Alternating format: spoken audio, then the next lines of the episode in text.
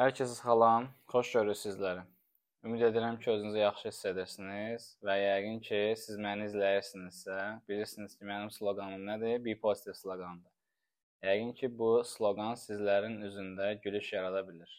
Əgər gülüş yarada bilirsə, nə xoş mənim halıma ki, bunu bacara bilmişəm. Bu gün mövzumuz sizlərlə olacaq.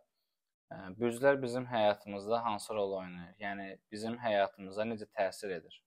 Yəqin ki, çox fikir vermisiniz ki, insanların çoxusu ə, bürcləri demək olar ki, %100 öz həyatlarına tətbiq etmək istəyirlər və hər hansı bir ə, mənfi, neqativ hal ə, eşitdikdə dərhal pis olurlar.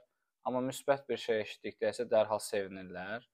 Ə, mən bunu demək istəyərdim ki, özümdən misal gətirə bilərəm ki, mən ə, 28 yaşım var və bu yaşa kimi ə, bürclər haqqında çox fikirləşməmişəm. Sadəcə bu son 1-2 ildə belə necə deyərlər, ə, cool görsənmək üçün və yaxud belə deyək, ə, insanlara belə bir şuuraltı ə, yaxşı görünmə kimi ə, şir burcu olduğum üçün bəlkə də bundan da qaynaqlana bilər ki, xarakter olaraq 10% məndə büruzə verir. Yəni ki, ə, liderlik xüsusiyyətləridir, bəzən ə, təvəzzökarlıqdır və yaxud insanlar buna özündən razı deyirlər. Yəni müsbət hal üçün özündən razı olmaq yaxşıdır. Yəni burada pis bir anlam yoxdur. Bəzi bunun mənfi cəhətləri də var ki, e, özümüzü çox e, razı göstərəndə bu əlbəttə ki, artıq e, mənfi rol oynayır bizim həyatımızda. Yəni bunu onu qeyd edim ki, sadəcə bunu oxuyub araşdırmaq lazım. Bəli, bürclər var. Bunu elmi də var. Yəni bu elmə əsaslanmasaydı, xülyə olsaydı, yəni heç bir elmə əsaslanmasaydı, o zaman sizlərlə razı olardım. Amma Əgər bu elmə əsaslanırsa, bəli, biz buna inanmalıyıq. Yəni amma inanarkən də biz buna 10% inanmalıyıq. Nəyə görə? Çünki mən dərindən bilməsəm də bürclər haqqında belə bir şey var ki, burada illər əsas rol oynayır. Burada ə, e, tam dərinə etsək, belə deyək, ə, e, günlər rol oynayır. Yəni yəni burada tamamilə dərinliyinə gedəndə çox dərin bir elmdir, yəni astronomiyadır. Ona görə də bürclər haqqında danışmağınızdan əvvəl onu deyim ki, ə, e, öz xarakterinizi, öz ə, şəxsi biliklərinizi inkişaf etdirmək sizlərə məsləhət görürəm. Yəni mən öz həyatımda bunu edirəm. Yəni şəxsi biliklərimi inkişaf etdirirəm. Yəni bunu heç kim məndən istəmir. Sadəcə mən bunu özüm üçün belə deyək, qarşıma məqsəd qoymuşam ki, ə, mən ə, şəxsiyyət olmalıyam və hər kəs məni ə, tək ad, ad, adıma görə yox, şəxsiyyətimə görə məni tanımalıdırlar, yəni hörmət etməlidirlər və mən də bu hörməti qazanmalıyam. Yəni kimsə bunu ə, para ilə, yəni pul ilə və yaxud necəsə bunu qazanmaq başqa cür mümkün deyil. Əgər hörmət qazanmaq, şəxsiyyət olmaq istəyirsinizsə, bunu özünüz etməlisiniz və axtarmalısınız ki, mən öz şəxsi bacarıqlarımı necə edə bilərəm. Məsələn, öz üzərimizdə çalışa bilərik. Əlimizdə hər hansı bir ə, belə deyə tullantı varsa, onu əlimizdə saxlayıb ə, qarşımıza ilk çıxan ə, zibil qutusuna ə, onu tullaya bilərik. Yəni bunu hər kəs etmir. Nəyə görə? Çünki belə deyə insanlarda bir növ mənə niyə sərf etmir və yaxud üstümdə əlavə tullantı niyə daşımalıyam?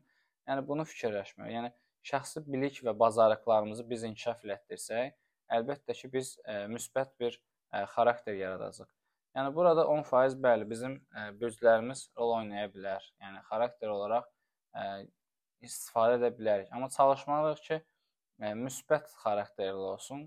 Ola bilər, yəni bizdən asılı olmayaraq ə, biz əfsuslar olsun ki, bəzi şeylər seçə bilmirik. Ola bilər ki, mənfi olaraq bizə təsir eləsin, yəni bizim bürclərimiz 1%, 2% bizə mənfi rol kimi təsir edə bilər. Amma biz eqo olaraq %100 bürc olaraq xarakter eləsək ki, mən məsələn filan bürcəm, mən deyən olmalıdır və yaxud mən hər şeyi bilirəm və yaxud yəni bunu qabarmaq məncə düzgün deyil.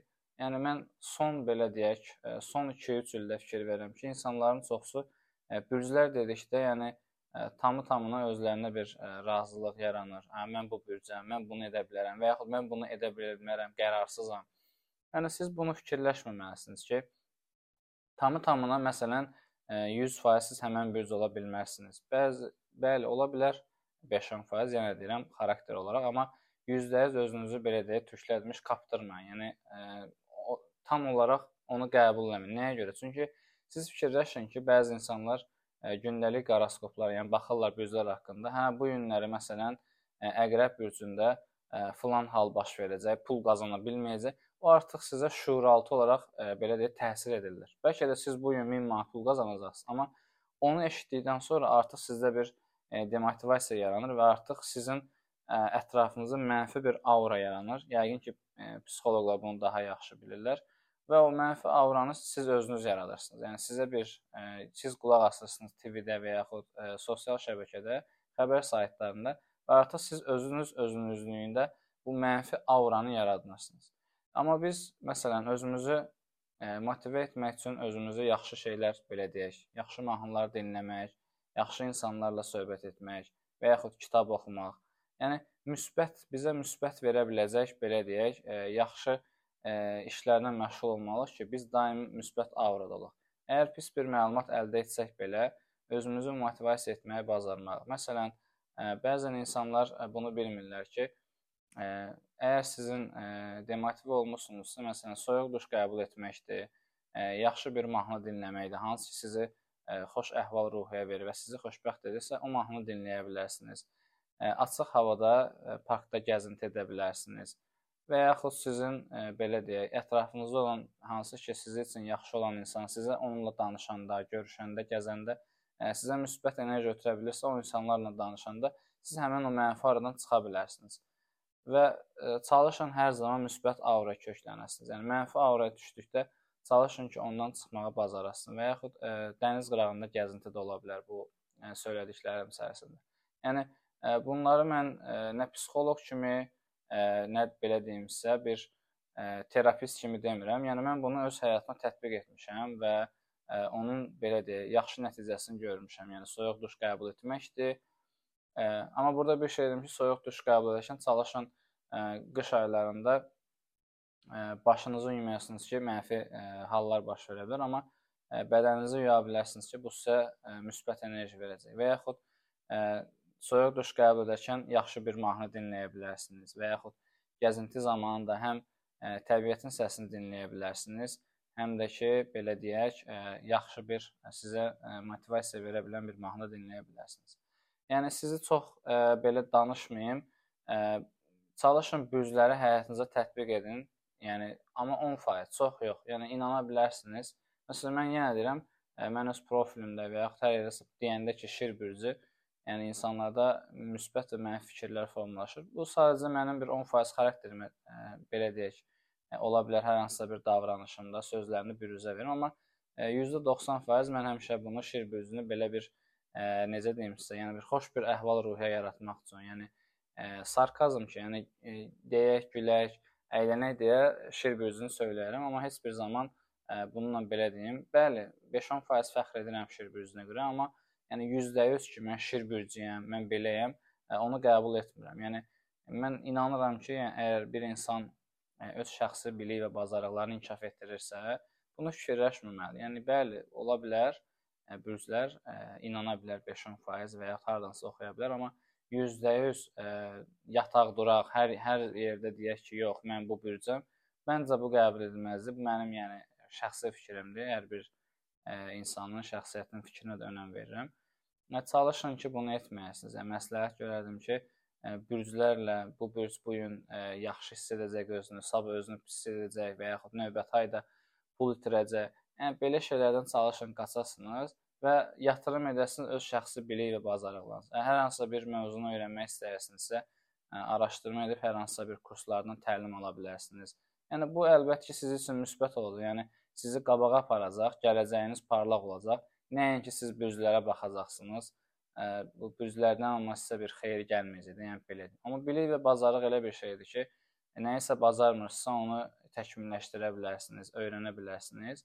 Həmçinin biliklərinizdə təlimlərə qoşula bilərsiniz və ödənişli və yaxud ödənişsiz təlimlərə vaxtınızı xərcləyə bilərsiniz və oradan nələrsə qazana bilərsiniz, hansı ki, sizin gələcəyiniz üçün bir e, belə deyək də qaranti olacaq ki, artıq e, qarantiyam var ki, mən gələcəkdə, məsələn deyirəm, e, mütəxəssis olacağam, mühəndis olacağam və yaxud terapist olacağam, psixoloq olacağam.